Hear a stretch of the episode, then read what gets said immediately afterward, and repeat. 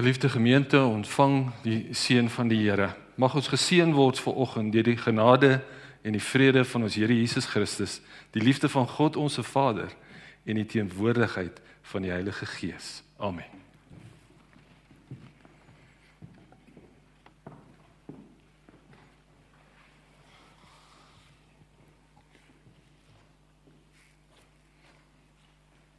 Ja, goeiemôre weer gemeente. Ek is ek is baie opgewonde om hier saam met julle te wees vanoggend. Ehm um, maar ek is nog meer opgewonde oor die Here se woord. Mag hy ons waarlik lei en leer self vanoggend uh deur sy woord en deur sy gees. Nou ek hoef julle nie te herinner dat dat ons wêreld is is maar lekker die mekaar nie. Dit is uh en ek kan net dink aan al die mense vir wie ons ook gebid het vanoggend dat daar's mense wat wat sukkel, met wie dit moeilik gaan, wat wat baie vrae het. Ehm um, die Engelse woord wat my opgekom het is die woord turmoil.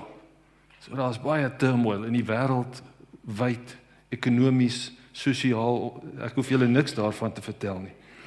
Maar ek dink baie keer sit ons ook met hierdie turmoil in ons harte.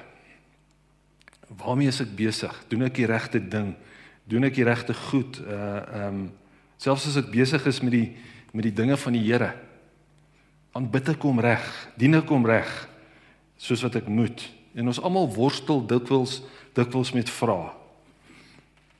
En die die die snaakse ding is baie keer as ons die Bybel lees en selfs as ons die as ons die Bybel lees, né? Uh die Bybel wat vir ons al die antwoorde gee, dan dan gee dit ook nie vir ons altyd die sekerheid wat ons wil hê nie. Ons moet eerlik wees. En baie keer sukkel ons en stoei ons ook met die woord van die Here, né? Dat ons bietjie turmoil het met met wat die Here nou eintlik sê en wat probeer hy vir my en vir jou sê. Ehm um, ja, selfs Jesus se woorde kan kan onrustigheid, kan turmoil bring in ons harte as ons as ons eerlik is met onsself. Ehm um, en jy sit dalk ook ver oggend met 'n vraag of twee. Ehm um, in in jou hart waarmee jy worstel met die Here. En ek wil net weer vir oggend vir jou bevestig dat al antwoord ek of die Here nou nie vir oggend spesifiek jou vraag nie. Die enigste antwoord vir al ons vrae lê in die woord van die Here in die Bybel. Dit moet ons nooit vergeet nie. Die Bybel, hierdie boek is 'n biblioteek van 66 boeke. En dit is die woord van God en elke woord wat hierin staan, is die waarheid. Dis die enigste bron van waarheid. Daar's daar's geen ander bron van waarheid nie. En hoe jy met hierdie boek, hierdie Bybel, die woord van die Here omgang, bepaal eintlik maar op die einde van die dag of jy sy stem hoor en of jy gehoorsaam is of nie. So kom ons luister ver oggend saam na wat die Here vir ons wil sê in sy woord. En ek wil vir ons lees uit uh Matteus 24, net die eerste ehm um, 14 verse uit Matteus 24 En die konteks net of die agtergrond bietjie tot tot hierdie gedeelte in die skrif is nou natuurlik Jesus wat die mense wat die mense leer en hy spesifiek in hierdie voorafgaande gedeeltes waarin hy hulle leer geleer in die tempel. En ehm um, so daar was daar was baie godsdienstige mense wat hy geleer het in die tempel en ehm um, in in veral in Matteus 23 die voorafgaande hoofstuk het Jesus nogal baie harde woorde vir godsdienstige mense, vir die skrifgeleerdes en die fariseërs. En ehm um, maar dan sta, so hy leer die algemene publiek in die aanloop tot hierdie hoofstuk. Maar dan stap hy en sy disippels nou weg van die tempel af. So hy los die massas en hy stap weg van die tempel af en hy hy is op pad na die Olyfberg toe. Want nou wil hy met sy disippels iets deel wat hy nie met die res van die wêreld wil deel nie. Hy het dit baie keer gedoen. Hy het het die algemene publiek gepraat en hy het 'n algemene uit die boodskap van waarheid gebring, maar dan het hy teruggegaan na sy sy sy klein groepie, sy 12 disippels. Die klein groepie soos wat ons is ver oggend en dan kom deel hy met met hulle en met ons iets wat hy nie sommer vir die mense daar buite wil wil deel nie. So hulle is nou op pad en hulle stap Olyfberg toe en en terwyl hulle ehm um, Okay, kom ons lees dit eers dan sal ek dan gaan ons bietjie deur die deur die details. So, hulle stap nou weg van die tempel af waar Jesus geleer het. Matteus Matteus 24 vers 1. Toe Jesus van die tempel af weggaan, het sy disippels nader gekom en sy aandag op die tempelgeboue gefestig. Maar hy antwoord hulle: "Julle sien al hierdie dinge. Dit verseker ek julle, hier sal nie een klip op die ander bly nie. Alles sal afgebreek word." Nadat Jesus op die Olyfberg gaan sit het, kom die disippels elkeen na hom toe en vra: "Sê vir ons, wanneer sal hierdie dinge gebeur? Wat sal die teken van die koms en wat en van die einde van van hierdie wêreld wees?" sien julle die vraag waarmee die disippels in hulle harte geworstel het. Jesus antwoord hulle: "Pas op dat niemand julle mislei nie. Baie sal onder my naam kom en sê ek is die Christus en hulle sal baie mense mislei." Julle sal die rumoer van oorloë en gerugte van oorloë hoor. Pas op. Moenie verskrik word nie. Dit moet kom, maar dit is nog nie die einde nie. Die een nasie sal teen die ander te staan kom en die een koninkryk teen die ander. Daar sal op baie plekke hongersnood en aardbewings wees. Al hierdie dinge is geboortepyne, die begin van 'n nuwe tyd of van die nuwe tyd. Die mens Die mense sal julle oorlewer om mishandel te word en hulle sal julle doodmaak. Julle sal deur al die nasies gehaat word omdat julle my naam bely. En daardie tyd sal baie mense van die geloof afvallig word en hulle sal mekaar verraai en mekaar haat. Daar sal baie valse profete kom en hulle sal baie mense mislei omdat die minagting van die wet van God sal toeneem sal die liefde ook by baie verkoel. Maar wie tot die einde toe volhard sal gered word. En hierdie evangelie van die koninkryk sal in die hele wêreld verkondig word sodat al die nasies en die getuienis sodat al die nasies die getuienis kan hoor en dan eers dan sal die einde kom. So jy kan nou indink hierdie sou nie goed afgegaan het as hier nou 'n algemene massa mense was wat na Jesus geluister het nie. Hierdie is vir mense sy disippels wat nou 'n pad met hom loop en wat reeds 'n verhouding met hom het. Wat reeds 'n bietjie kan onderskei in terme van wat die waarheid is, want Jesus hanteer vra ook op 'n baie unieke en 'n baie baie kontroversiële manier ook. En hy sal waarskynlik my en jou vra op dieselfde manier hanteer. As ons gou deur hierdie verse gaan, die 14 verse wat wat die woord met ons deel vanoggend is In die eerste twee verse kom die disippels en hulle stap nou weg van die tempel en en die disippels wys vir Jesus op die pragtige argitektuur en die grootheid van die tempel. Want dit was natuurlik vir hulle 'n Jood 'n simbool van hulle Joodse godsdiens, die tempel. En en dit het 'n baie ryk geskiedenis gehad. Maar dan antwoord Jesus hulle ehm um, in vers 2 op 'n baie kontroversiële manier. So hulle wys van hulle sê, uh, "Here, kyk, kyk hierdie pragtige tempel of kyk hierdie wonderlike kerkgebou." In, in Markus en uh, Lukas staan dit, "Kyk hoe mooi is dit opgemaak. Is dit nie 'n pragtige plek van aanbidding nie?" Dan sê dan sê Jesus vir hulle, "Dit verseker ek julle. Hierdie uh sal nie een klip op die ander bly nie. Alles sal afgebreek word." En nou sê die nou dink die disippels seker by hulle self aan wat is wat bedoel hy nou eintlik? Uh want Jesus het presies geweet, né? In 70 na hom sou die tempel afgebreek word, fisies. Maar jy kan nou dink om so 'n stelling te maak en dit is baie keer hoe Jesus antwoord en nou ou moet twee keer gaan sit en gaan dink oor wat hy nou eintlik gesê het hierso. Is die disippels nou doodstil op pad Olyfberg toe. Nou dink hulle oor glo ek dink hulle oor wat hierdie wat Jesus nou gesê het. Die tempel gaan afgebreek word en niks sal oorbly van hierdie tempel nie. So dan kom hulle by die Olyfberg en die disippels het nou lank en hard gedink oor wat Jesus net daar gesê het op pad uit die tempel uit en en uh, dan vra hulle vir hom drie vrae in vers ehm um, 3.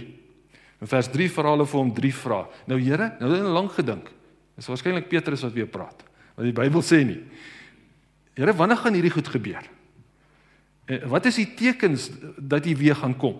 En en en wat is die teken uh van die einde van die wêreld? Ek dink ons het ook al almal daaroor gedink en gewonder en dat al baie mense in die geskiedenis gekom en datums voorspel en al daai strooi.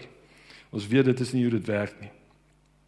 En weer eens antwoord Jesus hulle vra op so 'n manier wat ons dit nie waarskynlik sou geantwoord het nie. Ek sou waarskynlik gesê het, luister goed, vraag 1, wanneer sal hierdie dinge gebeur? Goed, kom ek vertel julle gou. Hier's 'n tydlyn en ons gaan deur die tydlyn of uh, wat is die teken van die koms? Weet julle wat? As julle hierdie teken sien, dan sal julle weet. Of uh, wat is die teken van die einde van die wêreld? Daar's 'n paar goed waar nee. Dis hoe ek as 'n mens dit dalk mooi gestruktureerd sal wou geantwoord het. Wat is Jesus se antwoord op hulle drie vrae? Hy sê in vers 4 tot vers 8: Pas op dat niemand julle mislei nie. Weereens, Jesus het 'n baie interessante manier gehad. Hy het nie vra direk geantwoord nie. Want hy het geweet wat sit eintlik het hy geweet wat sit agter die vraag. Wat is die motief, né, van hierdie ouens se vraag? En baie keer het ons ook as ons met ons vra na die Here toe gaan, eintlik 'n ander motief, maar hy weet alles. Hy weet alles. So hy sê vir hulle, "Oké, okay, wag, wag. Belangriker is moenie dat iemand julle mislei nie. Daar sal baie valse profete kom. Daar sal oorloë wees, baie bekend nou vir ons vandag natuurlik. Daar sal hongersnood wees, daar sal aardbewings wees. Maar hy sê as jy hierdie goed sien, moenie bang word nie, moenie bevrees, moenie bevrees raak oor dit wat in die wêreld om jou gebeur nie. Want is nog nie die einde nie. Hy sê al hierdie dinge, al hierdie dinge wat jy beleef en wat jy gaan beleef. Onthou, hierdie is 'n profetiese woord van Jesus. Né? So hy praat in die toekoms in. En op 'n manier is hierdie verwys hierdie profetiese woord wat hy hier gee en die hele hoofstuk tot by vers hoofstuk 25 tot en met vers ehm um, die einde van hoofstuk 25 gaan oor die profetiese woord 'n profetiese woord wat die Here vir sy disippels gee wat absoluut hierdie begin gedeelte van die woord is van toepassing op hom en op sy disippels en die vraag wat ek en jy moet vra is is dit van toepassing op ons vandag Jesus se profetiese woord so Hy sê nou nadat hy gesê het pas op vir misleiding, pas op vir hierdie goed, dan sê hy vir sy uh disippels want hierdie is nie die einde, is nog nie die einde nie. Daar gaan baie goed gebeur. Hierdie is net geboortepyne. Nou as ek die proses van geboorte verstaan, is geboortepyne nogal erg, maar om om om egter swanger om 'n kind te baar is nog erger. Vir party vrouens lei ek af is dit makliker, ander kry keisersnees uh maar vir ander is dit 'n lang proses. Maar dit is pynvol. Daar's pyn in geboorte. En Jesus sê vir ons, dit wat ons nou sien en dit wat ons nou beleef om ons in die wêreld is net geboortepyne. So hy erken dis pynvol, daar's pyne, maar dalk kom daar iets erger. Daar kom 'n nuwe tyd, sê Jesus aan die einde van vers 8. En wat gaan gebeur in hierdie nuwe tyd? Hy sê vir ons in vers 9 en vers 10 van Matteus 24 dat die die disippels en soos ek gesê het op 'n manier praat hy van homself ook. Die disippels sal oorgelewer word om mishandel te word. En hulle sal doodgemaak word. Die nasies sal hulle haat omdat hulle die naam van Jesus bely. Mense sal van die geloof afvallig word, mekaar mekaar verraai en mekaar haat. Nou dis nie eintlik 'n wonderlike opbouende profetiese woord nie. Maar dit bly die woord van die Here. En elke woord wat hy daar gesê het, het waar geword oor homself. Ons weet dit. Ons gaan in die lydingstyd in. Ons gaan in in in die die kruisdood van Jesus in. Ons ken die geskiedenis uit ons kop uit dat hy oorgelewer is en deur die ergste pyn en lyding moet gaan wat enige mens moes gegaan het. Inderwaarheid, die Bybel praat in in in Jesaja 53 van Jesus as 'n man van smarte. Die opskrif van hierdie gedeelte in die Bybel is die begin van smarte. Nou dit wil ons nie hoor nie. Die woord smart is nogal 'n intense en 'n diep woord. Dis erger as net om hartseer te wees. Dit is 'n dit is 'n emosie van ek het ek het ek het baie goed verloor. En en en ek reageer intens op op hierdie verliese wat ek wat ek deurgaan. Nie net hartseer nie, dis smart. Smart is 'n is 'n is 'n diep intense emosie en Jesus was 'n man van smarte. En hier sê hy vir sy disippels: "Hier kom 'n tyd van smarte." Ehm um, Ja, nee nee nee nee woord wat ons altyd wil hoor nie, né? En ek is die laaste ou wat ver oggend voor julle staan en sê ek weet nie of ek lus is om hierdie een te hoor nie. Vandag nie. En dan kom hy in vers 11 en vers 12 kom Jesus weer en hy waarsku weer 'n keer teen valse profete en misleiding. Geliefdes, ons moet so ons moet so attent wees. Ons het so die leiding van die Heilige Gees nodig in die tye wat ons leef. Twee keer in dieselfde hoofstuk sê Jesus: "Maak seker jy word nie mislei nie oor hierdie dinge nie." Maak seker jy kan 'n valse profeet uitken as jy hom hoor of as jy hom sien. Ek wil nou nie daarop ingaan in in detail nie, maar maar dit is die boodskap van die Here en dit is dit is 'n belangrike boodskap vir ons ook in hierdie eindtye. Dit is eintlik 'n preek op sy eie. Om toegerus weer toegerus te wees om om misleiding te kan identifiseer. Om toegerus te kan wees om valse profete te kan optel. En uh en daarteen te kan staan. Hy sê in vers 12 daar gaan 'n toename in wetteloosheid wees tell us about it, hè. Daar gaan 'n toename in wetteloosheid wees en dit en wetteloosheid interessant genoeg sal lei tot dat die liefde van mense vir mekaar al hoe minder word. Want dit is wat wetteloosheid is. Dit gaan net oor myself. Dit gaan net oor my. As ek die rooi robot wil skiep, ah, ek is oor. Ek het nie 'n saak met die ander ou wat ek dalk kan 'n ongeluk mee maak nie. So wetteloosheid sal toeneem. Daar sal daar sal ehm um, al hoe minder liefde onder mense vir mekaar wees. So Jesus gee 'n prentjie van die werklikheid wat in die wêreld gaan gebeur sodat sy disippels reg is vir dit. Sodat sy disippels nie onkant gevang word met dinge wat om hulle gaan gebeur nie en wat ook met hulle gaan gebeur nie. Maar dan sê hy in vers 13 en vers 14 wie tot die einde toe volhard wie tot die einde toe aanhou sal gered word en waarmee sê hy moet ons aanhou vers 14 en hierdie evangelie van die koninkryk sal in die hele wêreld verkondig word sodat al die nasies die getuienis kan hoor en dan eers sal die einde kom Ons moet aanhou te midde van wat met ons gebeur, te midde van ons omstandighede, Bergbron gemeente hou aan om die evangelie van Jesus Christus te verkondig. En julle weet baie goed wat die evangelie van Jesus Christus is. Kom ek herinner julle net weer vanoggend uit uit Markus 16 uit die groot opdrag. Hy het vir hulle gesê gaan uit die hele wêreld in en verkondig die evangelie aan die hele mensdom. Wie tot geloof kom en en gedoop is sal gered word. Wie nie glo nie sal veroordeel word. Die volgende wondertekens sal voorkom by die wat glo. In my naam sal hulle bose geeste uitdrywe. In ander tale sal hulle praat. Met hulle hande sal hulle slange optel. En as hulle iets drink wat dodelik giftig is, sal dit hulle geen kwaad doen nie. Hulle sal siekes die hande oplê en die sal gesond word. En dis julle visie. Dis julle visie. Dis die visie van hierdie gemeente, van elke lidmaat in hierdie gemeente. En die Here sê vir vir julle en vir sy disippels in Matteus 24, hou aan, hou aan, hou aan daarmee. Dit moet die fokus wees. Dit moet die fokus wees. Die vyand wil kom en al hierdie ander turmoil bring en hy wil ons hy wil ons hy wil ons aandag aftrek van ons fokus. En en ek kan dink, jy weet met iemand wat dit nie goed mee gaan nie, wat siek is, wat kanker het, jy weet, hoe hou ek aan? Maar daarom is ons wat vanoggend hier is en saam gebid het en gesond is, daar vir hulle om hulle op te tel, om die evangelie ook deur daai mense te bevestig, soos wat die Here genees of nie genees wat sy wil ook al is nie.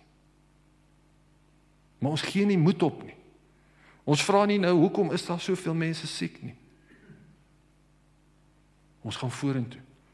Want ons redding daarin, ons redding uit die uiteindelik geliefdes lê maar eers as die Here weer kom of as jy die dag na hom toe gaan. Word jy finaal gered. Ons is gered deur die kruis. Ons is verlos. Ons word gered van hierdie lewe en hierdie bestaan van moeilikheid en swaar kry en smarte en hartseer die dag as ons gaan. Wat 'n heuglike dag. As ons na Jesus toe gaan of as hy weer kom. Jesus se hantering van van hierdie vrae van die disippels is waarskynlik dan ook nie soos hulle dit wou gehoor het nie. Ehm um, maar soos ek gesê het, hy ken die kern. Hy ken die kern waarheid altyd van jou vraag. Hy gee net belangrike pointers. Ek het gesê alles wat Jesus geprofeteer het, het waar geword.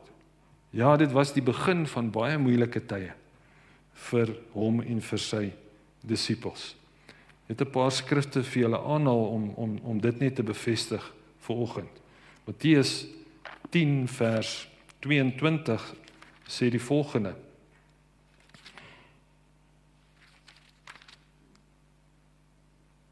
Julle sal ter wille van my naam deur almal gehaat word, maar wie tot die einde toe volhard sal gered word. Jesaja 53 vers 3 het ek ook al reeds aangehaal, né? Jesus was 'n Kom ons lees dit. Kom ons lees dit. Jesaja 53 vers 3 sê Jesus hy was verag en deur die mense verstoot. 'n Man van lyding wat pyn geken het. Iemand vir wie die mense die gesig weggedraai het. Hy was verag en ons het hom nie gereken nie. Die ou vertaling sê hy was 'n hy was 'n man van smarte gewees. Johannes 15 vers 20 sê die volgende woorde.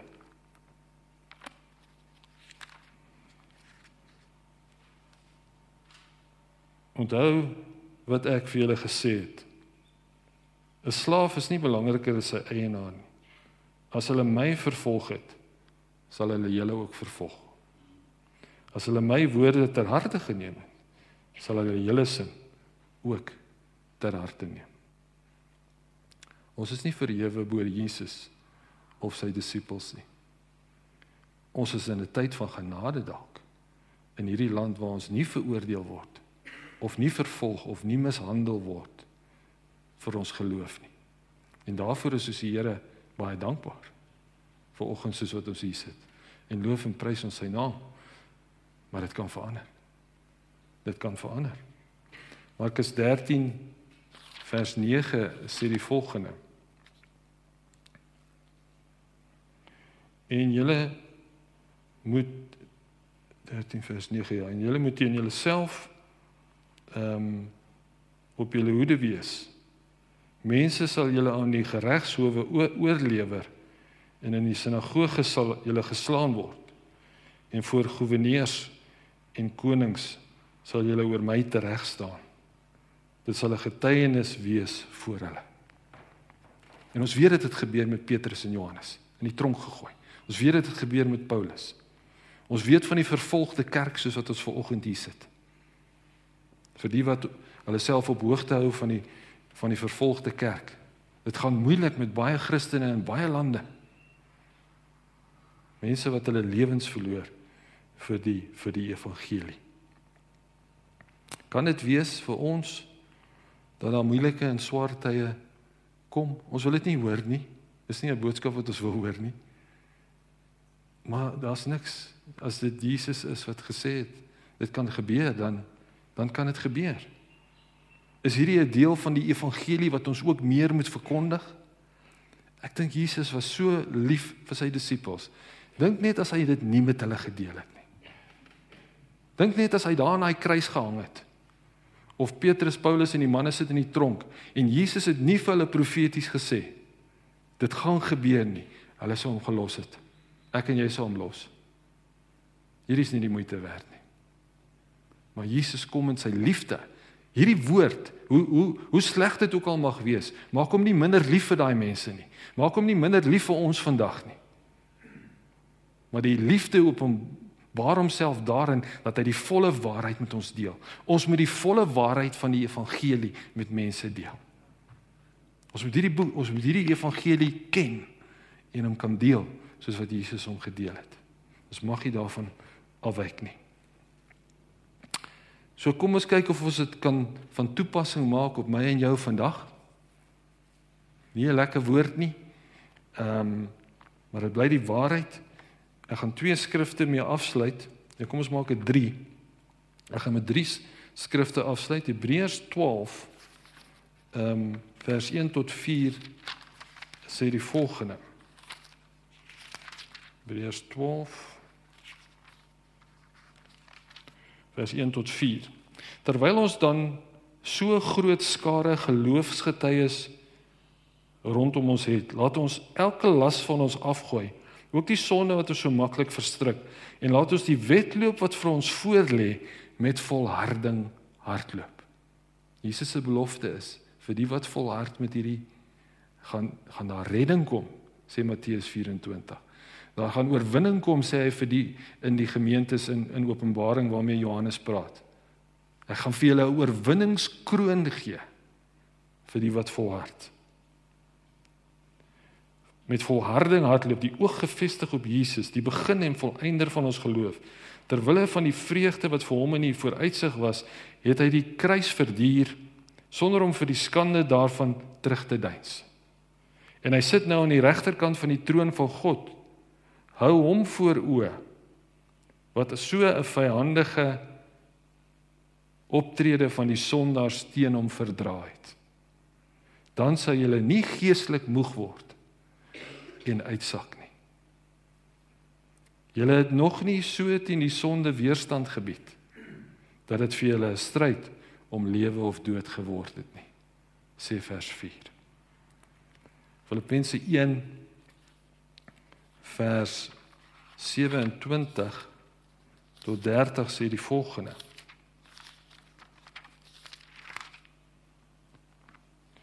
Hoofsaak is dat julle lewenswandel in ooreenstemming met die evangelie van Christus moet wees. As ek dan kom, sal ek self sien of as ek nie kan sien kan kom nie, sal ek deur berigte hoor dat julle in volkomme eensgesindheid staan vasdag, saamgestry vir die geloof in in die evangelie en julle in geen opsig deur teenstanders laat afskrik nie. Dit is vir hulle 'n teken van hulle ondergang en van julle redding en dit kom van God. God het julle die voorreg gegee om Christus te dien, nie alleen deur in hom te glo nie, maar ook deur vir hom te ly. Het dit al begin in jou lewe dat jy moet ly vir die koning? Ek dink so. Ek dink ons sit hier so, ons weet al. Hier's van ons wat weet wat dit voel om verneder verneder te word vir die naam van Jesus. Ons word 'n skande gemaak.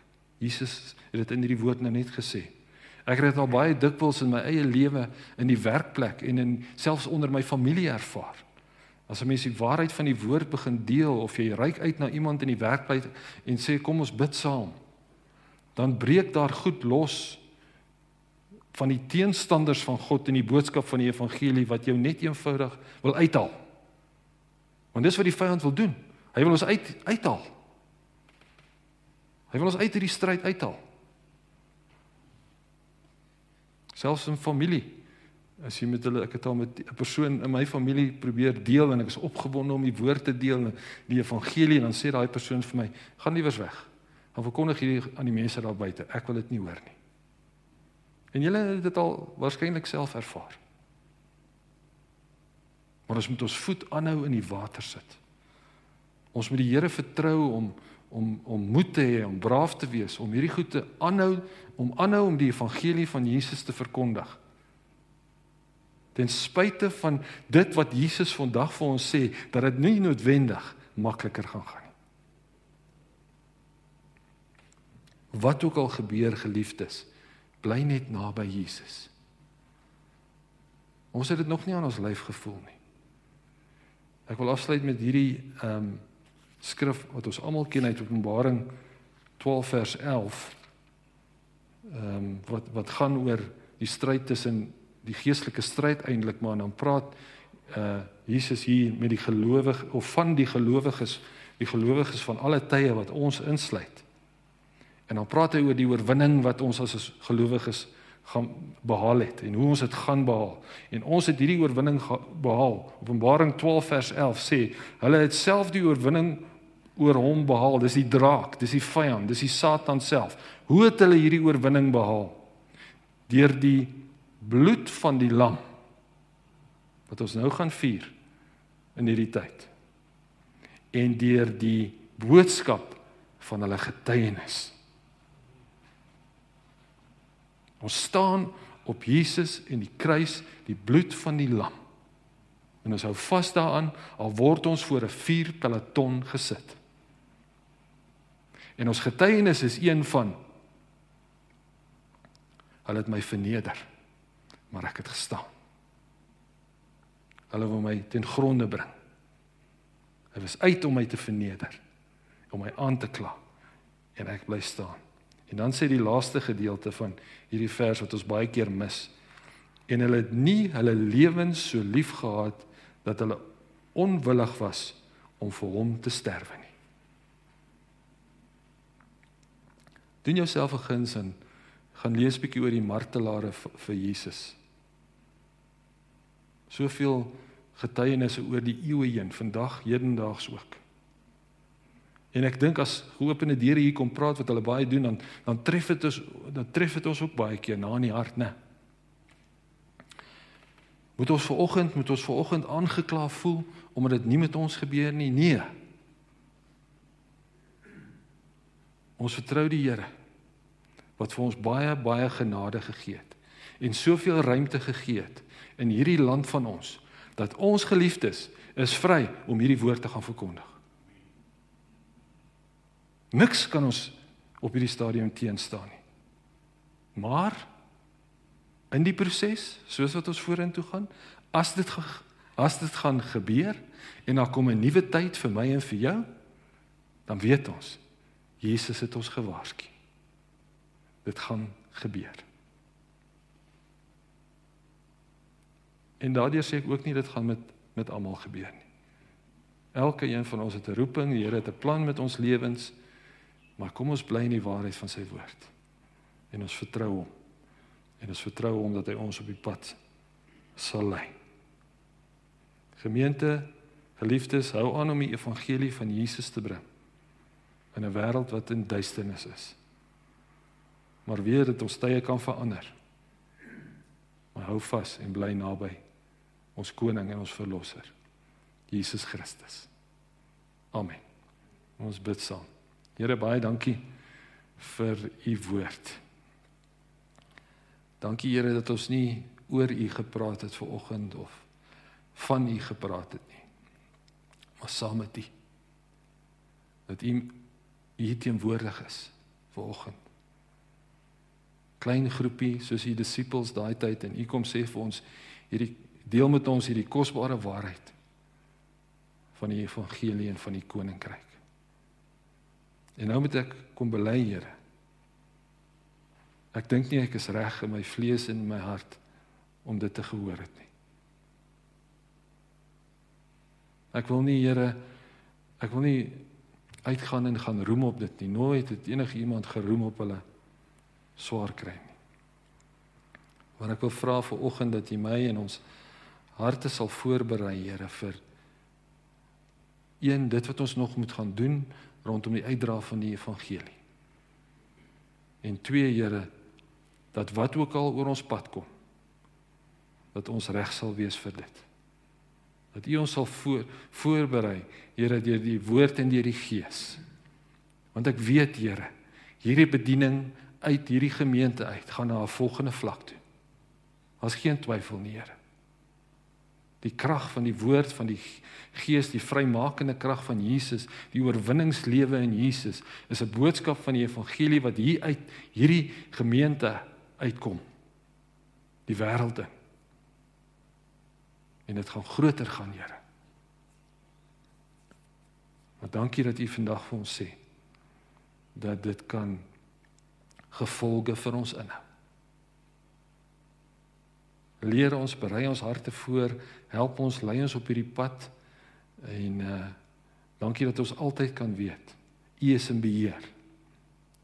Toe u die groot opdrag vir u disippels en ook vir ons gegee het het u gesê u is met ons tot en met die volëinding van hierdie wêreld niks kan ons skei van u liefde nie Here ons loof u en ons prys u en ons eer u daarvoor vir oggend dankie Jesus vir u woord.